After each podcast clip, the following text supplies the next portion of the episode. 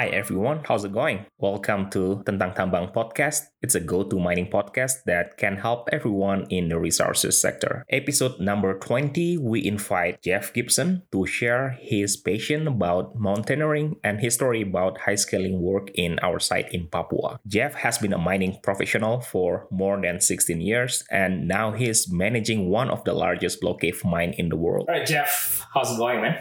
Very well, thanks, Mate. Still holding strong during the pandemic? Yeah, going well. Have managed to avoid uh, COVID so far, and already had my first shot of uh, the vaccine. Vaccine. Yeah, so fingers crossed. I'll be lining up for another shot in the next few weeks, and then hopefully going on vacation. Well, if it's approved, right? So Yes, you wish. hopefully. Well, anyway, thanks for your time. Uh, have a yarn with me about high scaling work and mountaineering. Uh, the intention of this podcast is to give people in mining sectors tips and tricks how to do the job mining more safe, quality, and productive. One of specialized job that our company provide is high scaling work. To be honest with you, I'm so passionate about it. I'll let you explain what is high scaling later on. All right. Um, without further ado, tell us about your mining career, mate. Sure. Um, started uh, started mining in Australia, and there I learned how to uh, air leg mine and Alimak mine. Well, Um, not so many Australian actually are like minery. No, we don't actually do any Alimak mining that I'm aware of at the moment. Or maybe one company that started to uh, to go again, but it's been a long time since uh, anyone's been sort of consistently doing it that I know of. So I learned that set of skills over there. Um, spent some time in diesel mining as well, so jumbos and loaders and trucks and everything. And um, and then I ended up uh, coming to Indonesia. I was actually quite young when I first got here Okay. And you are still. well, 38 years of age now. I was 25 when I started here, so it's been 13, 13 years Jesus. already. How long you've been in mining so far? Uh, including the 13 years here and then another three back in Australia. Hmm. So 16 years total. Right on. Tell us about your climbing trips around the globe, Mike. Sure. Um, I first started climbing, I actually met some interesting people that were, um, they were military guys back in Australia and they were very keen on doing adventurous training for, uh, for the army and for also the air force. Yeah. And the purpose behind it was that um, doing adventurous training and difficult things like that was to, in high stress situations, to prepare you for, I guess, when the guys go to uh, Or to fight, go to Yeah. war. Yeah. Um, and so these guys were both very keen on big wall climbing, which Mhm. is um, a particular style of particular style of rock climbing. Yeah. Where you place pieces of gear and you stand on the gear and then you continually place pieces above you Yeah. and make your way uh, up the wall. And so shortly, not very long after I started climbing with these guys, we did a lot of outdoor climbing, but also they trained me on all, all different rope techniques. that's Um, before the mining or during the mining? this was actually started before mining. so where do you get the money from to buy all those fancy stuffs? I was a fitter and turner by trade before I started. Mhm. Um, I was actually just, you know, finished my apprenticeship and then as a tradesman. So I spent my hard-earned money on uh, on climbing gear. It was uh, it was it was not cheap to uh, Definitely not much. to do it. So and then obviously the trip. Um, our very first trip that we had planned was in uh, Yosemite National Park. Uh-huh. Wow. So I did three seasons climbing there. Uh-huh. um, ascending El Capitan, um, and among other peaks that they have there. There's a lot of lot of different big walls there, but we spent spent quite a bit of time climbing El Cap. Yep. Which is a thousand vertical meters. So once you uh, once you get off the ground, Yeah. you sort of come to the realization, you know, after ten meters or so, that if you make any mistakes, Yeah. um, it's it's not going to end up true. Yeah. yeah, it's going to be very bad. So I did uh, did three seasons there, and then decided to make the change to mountaineering, which was sort of tied in very well with how I ended up sort of coming to Indonesia. All right. Wow. Um, I went and soloed the highest mountain in Europe, which was in Russia, Mhm. Mount Elbrus, and uh, I actually met a guy there who was uh, who had just climbed Mount Everest, and he was interested in doing some some stuff down in Antarctica. Okay. So he said we should climb something together first um, to see whether or not we were compatible as climbing partners. Mhm. And uh, he suggested that I come to Yeah. Indonesia to climb the Carstensz Pyramid. And um, at the same time that he was um, sending me the quote for the trip, which was um, ten thousand dollars through the uh, through the company that he was going with. Um, I got a call from Nancy Emerton from Indonesia. Indonesia, and she asked if I wanted to come here. And um, Absolutely. yeah, so obviously true, right? with bells on. And um, so I came here and I uh, ended up soloing the Carstensz Pyramid in my first contract. Jesus, soloing, eh? Yeah, Wow. yeah, that's fun. You are unreal, man. It was uh, it was a lot of fun. Um, it's I mean it's scary at the same time. But, It is. Uh, Is that the, the things that you told me you forget to bring the, the cap lamp, the headlight? I mean, oh, that's a different one, right? different one. All right, right. Yeah. Keep going, Mike.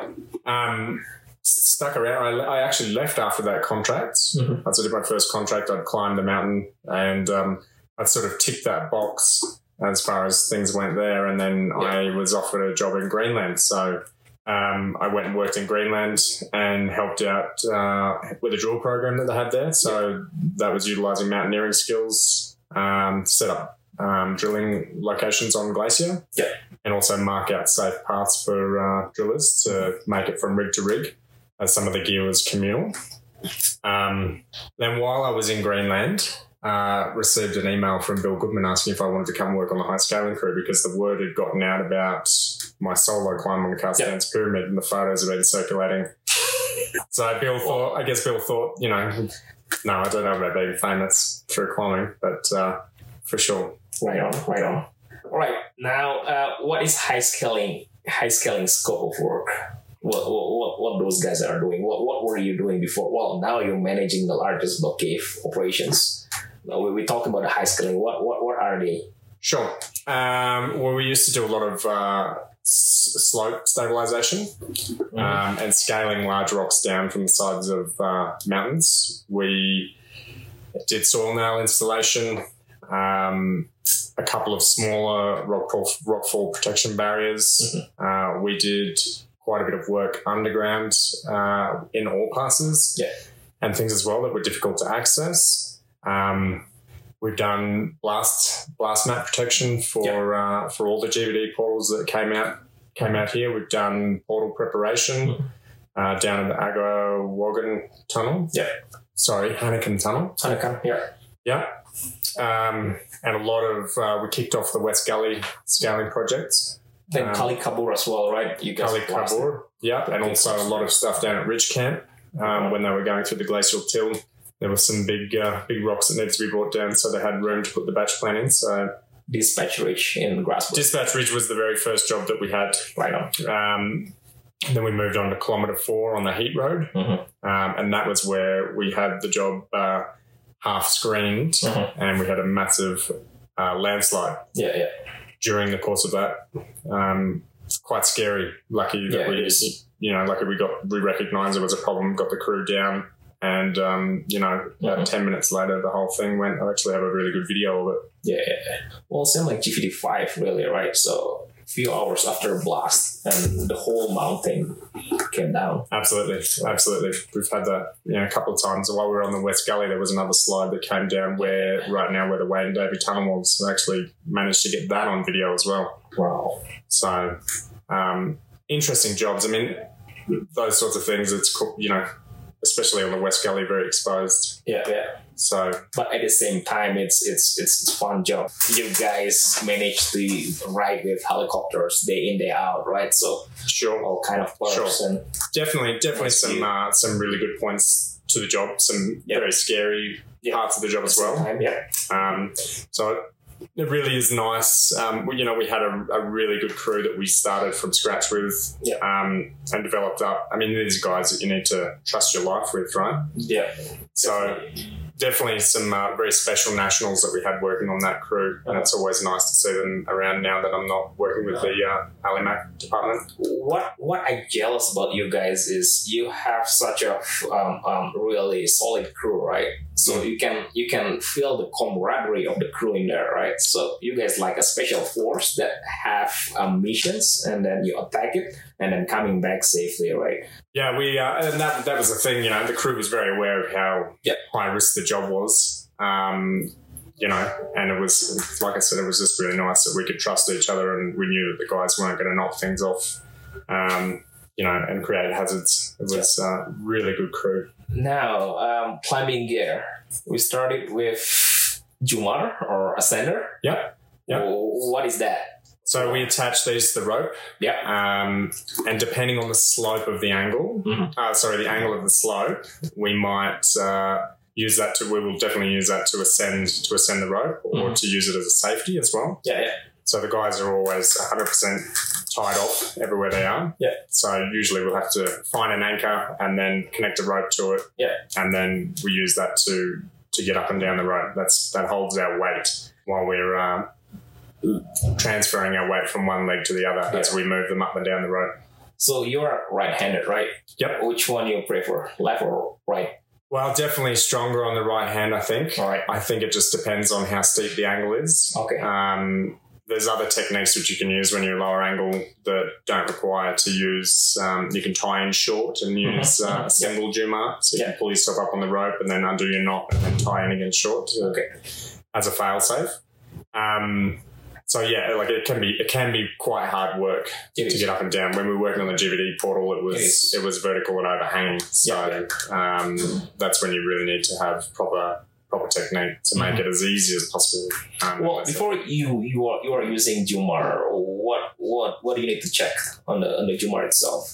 Uh, you need to check that it's that there are no cracks on Okay. it. You need to make sure that your uh, there is a cam on it, which actually has Mhm, spikes. Um, because we spend a lot of time working in the mud. Yeah. Um, these tend to wear down after a while. So if you're not um, checking the gear, you can end up with the Jumar sliding on the rope slightly. And that's dangerous. And then the spikes on the Jumar can actually cause damage to the rope. So Yeah. that was like a daily pre-check for us to make sure that they were they were good and always tried to have some in stock. We move on. Carabiner.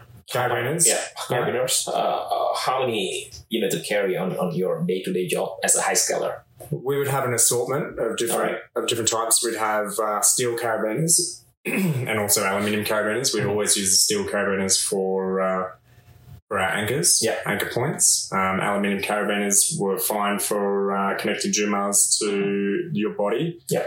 Um, we had a couple of different kinds. We had screw gate carabiners and um, twist lock Yeah. carabiners. Um, yeah, so all, probably have uh, you'll always carry a bunch of spares in case you need to rack things on your harness. You can store the gear um, and carry it up. So, but we we were using, yeah, well, sorry, keep going with the next one. I'll, I'll move on because I'm sure you're going to ask about harnesses. Um, figure eight. What is that for? Figure eight is for descending. So we always uh, we always use steel figure eights. Again, because the ropes can get so muddy. Mhm. Um, this was these these would actually wear out after time as well, even though they're even though they're steel. Um, with some of the stuff that we would do because it was so muddy, it was very difficult to use things like um, like different equipment like mechanical uh, descent devices That's right. Um, because they would clog up and cake up with mud and just become dangerous, Mhm. basically, because you could lock in an open position. Whereas the figure eight was was perfect because we, what we would use is a um, is a hand prusik which attached to the leg loop of the harness, Mhm. um, and so if you if you tie your hand prusik um, Yeah. properly, Yeah. Yeah. then it'll stop. It'll, it it basically acts if you take your hands off the rope, then the hand prusik will will pull the rope up. It'll break. Right. So Seat harness. seat harness, yeah. So we're using seat harness, right? So We did. Um, while we were doing that work, we did we did not use uh, five point harnesses. We Yeah. used seat harnesses, but these were the same seat harnesses that I used when we were climbing big walls. Yeah. So the good thing about these harnesses is that they're uh, highly rated, very strong, um, but also have gear loops Mhm. tied into them, so we could attach hammers to ourselves, or um, like every point on the harness was actually rated. Yep. So wow. but very comfortable. You know, when you're hanging in that harness all day and you've got to be in it all day, you really want something that, you know, if you can hang on a wall, like a vertical wall for, for days and days on end, um, I just transferred the same principle to here. Yeah. Yeah. Wow. Well, static rope and rope back. Yeah, static rope. So we there's a difference between static rope and dynamic rope. We always use static rope because of the way that it's constructed. The strands are actually inside the core in a straight line, Mhm. so you have less stretch. Mhm. Um, or we And used less use tangle, right? Yeah, what, do you call tangle? less tangle, but it is a heavier rope, but it's much more heavy duty as well. It is. So we were using 13 millimeter uh, static line. Mhm. So it's very, very, uh, very strong. Never ever did we have uh, have a rope um, break or uh, you know cut. You know, obviously, if rocks would fall down and hit the end of a rope, we would end up with some damage sometimes. So we That's have to Mhm. trim that off and then uh, and shorten the length of the rope. Um, so yeah, we were using quite heavy duty, quite heavy duty lines for doing the job. And you're gonna check every time you you Absolutely, right? absolutely, and we also wash the ropes quite regularly and make sure that the But you got you have to dry it, right? Yeah. Can't store it. in yeah. wet. We used to have a storage container, so we would have all that set up with heat lamps inside. So single double pulley. uh, pulleys we never really used All right. so much, um, just because we would put everything into uh, backpacks to Uh-huh. take up. If we were using pulleys, we would usually have uh, a tugger set up, and we would have um, proper um, rated pulley blocks. Yeah, yeah. and tow things up the hill if we needed to. Otherwise, if we were taking something that was quite heavy, um, there might have been the option to get a helicopter to sling it in for us. Exactly. Which was- you guys doing it times here. Yeah, Why on. Yeah. What else? Uh, PPE. Yeah, it's just gloves and and, and Gloves, glasses, glasses. Uh, climbing helmets. uh, what what kind of boots you guys using? Same as this or We used to use uh, the Viking boots. the So, Viking? the All right. yellow ones, and the perfect the thing the thing that makes them so good is that they have a shank in the sole, so the sole doesn't flex. So if you dig your feet into the side of the mountain and put all your weight on your toes, Okay. Your foot doesn't slip out. Yeah, yeah, yeah. So it'll just stay. So they can stay hold put. your your weight actually. Yeah, yeah. Can make it a little bit uh, tricky if you're doing sort of a technical sort of route finding to Yeah, get yeah. to get up. Mhm. But um, but it was usually low enough angle and quite a bit of mud around that we could uh, Mhm. make them work quite well. Can you please explain us a common rock climbing technique you guys using in, in high scaling job? Yeah, sure. Um, I think I think the number one skill that transfers from rock climbing over to high scaling would be the rope skills. Um, Um, so get a knows how to tie the knot and tie the knots, rope safety. Yeah. Um, you know, do the guys know how to get somebody down if there's an accident as well? That was that was a big thing. Um, with the rock climbing, you know, we used to have. We were never on sheer sheer rock faces here, um, or if we were, then we would just be doing it from, hopefully from the top down, or we'd have to find another way up to install our anchors Yep. to make it to make it safe. So I mean, the rock around here is um, it's a bit questionable if you were to just be climbing up. So a lot of the time it was climbing up, but sort of in the in the vegetation, in the mud, to try and get around to the rocky section that you needed to be. Then we'd set up an anchor, and then we could come down from the top. okay. That was usually the, usually the safest safest way to to get things done. Oh, do you guys have a rescue plan every time um, you do the job? We do, depending on the situation that we're actually um, working in. It depends on where we're working. Mhm. Um, obviously, we always had radio communication spotters, and we also had handheld radios Yeah. to communicate between the different groups. Mhm. Um, that would all, whatever the rescue plan was, would depend on what the task was. Um, West Gully was a particularly um, tricky place to be. Yeah. So we would sleep up there for a number of days at a time. So we would, we would camp up there. I think we usually, Max would send a helicopter to come and get us about every four days so we could have a shower and then Wow. go back up again. Um, but the issue with working up on the West Gully was that usually by about mid morning, Mhm. um, you would get fogged in. So it made rescue by helicopter very difficult All right. or Okay. impossible. Mhm. Um, so we always had to be very wary of that. Yeah. Um, depending on what we were doing up there. What makes a good high scaler? There is a good high scaler and there is a bad high scaler. So what makes a good one? Tips and tricks, especially for miners who wants um, to be a, a, high scaling crew, right? Sure, sure. I think uh, reliable, reliable, and trustworthy are two qualities that uh, that you need to have because there's no margin for error. You need to be able to trust the crew that you are.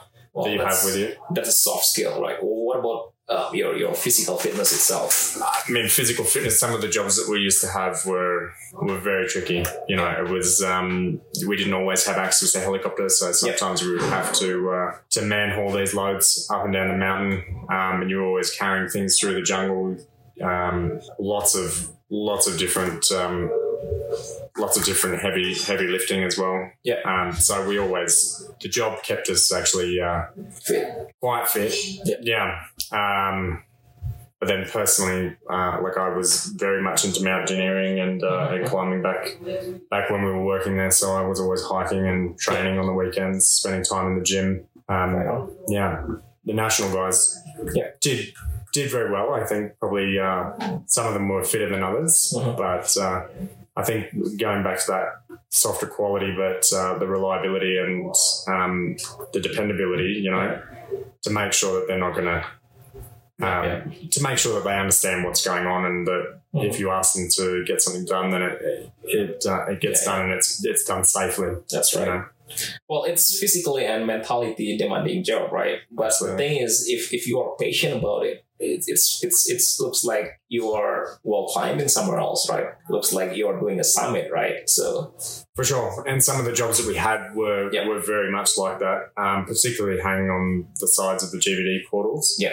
Um, some of those were were, were vertical. yeah, Um, and it was and it was amazing, you know. Um, the boys being able to lift everything into position with uh, with helicopters, um, pulling pulling mats and stuff up with tuggers. Yeah.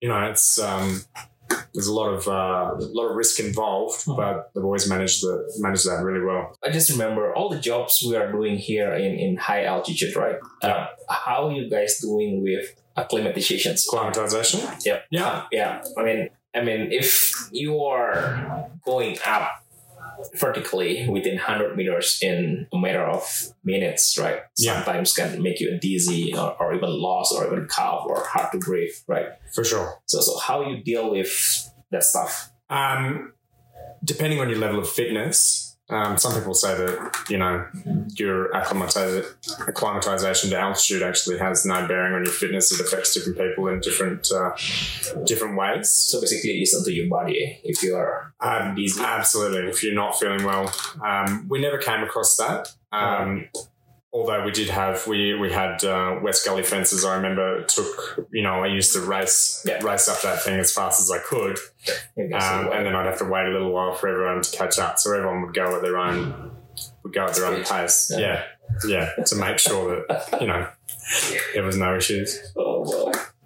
With all technology and, and industrial revolutions, do you think in the future in our mining industry we still need high skill high high scaler skill sets? Yeah, absolutely. Absolutely. I think um, particularly for uh, for areas where uh, you know there's exploration uh, and stuff as well. You know, you've got a lot of countries where you know a lot of ore bodies have already been discovered, and then there's a lot of uh, ore bodies that are hard to get to. Yeah. Um, Well, it's gonna be hard, right? It's if it was easy, a lot of company will find it, right? It's it's gonna For be hard. sure, for sure. We actually had a job um, back in 2016, I think it was, um, in Nalunaq in Greenland, working for a company in Greenland. We were uh, abseiling down the back of the ore body and Mhm. and and scaling, scaling, but uh, collecting samples. Yeah. Um, That's the photo when you show me about the beer, white beer, right? Is that the job? Oh, white bear? No, that's uh, that's that is also Greenland. That is also Greenland. That's the other one. Fuck. yeah, yeah. That's but that's one of the hazards of working in Greenland is the polar bears. Yeah. Yeah. Yeah, so it's never nice to get a visit from one of those, I can tell you. Well, it's it's it's it's, it's like a vacation trips, man. So I, I would enjoy it. I had nightmares for uh, I had nightmares for a long time after that. Where is your next summit? You reckon? Well, I don't really know. I think these days I'm uh, much more into snowboarding, so I think I've reduced my risk Yeah. reduce my risk in one area, but also, you know, raise it in another. Um, because we spend a lot of time backcountry snowboarding, so we're always mountaineering when we're out there. Yep. We're um, climbing and then dropping, dropping big mountain faces when we have the opportunity. That's right. Otherwise, we'll stay in the tree line and keep safe. But um, I haven't got anything planned at this stage, especially with COVID making it very difficult Exactly. to travel around the world. Yeah. You know, so we'll uh, We'll stay tuned. I'll see Right. see how we go. Wherever it is, they're gonna beat you, man. You're welcome anytime, mate. Well, that's it, man. Thanks for your time. No Thanks worries. for your time. Enjoy your day off, and then talk to you later. Thanks very much.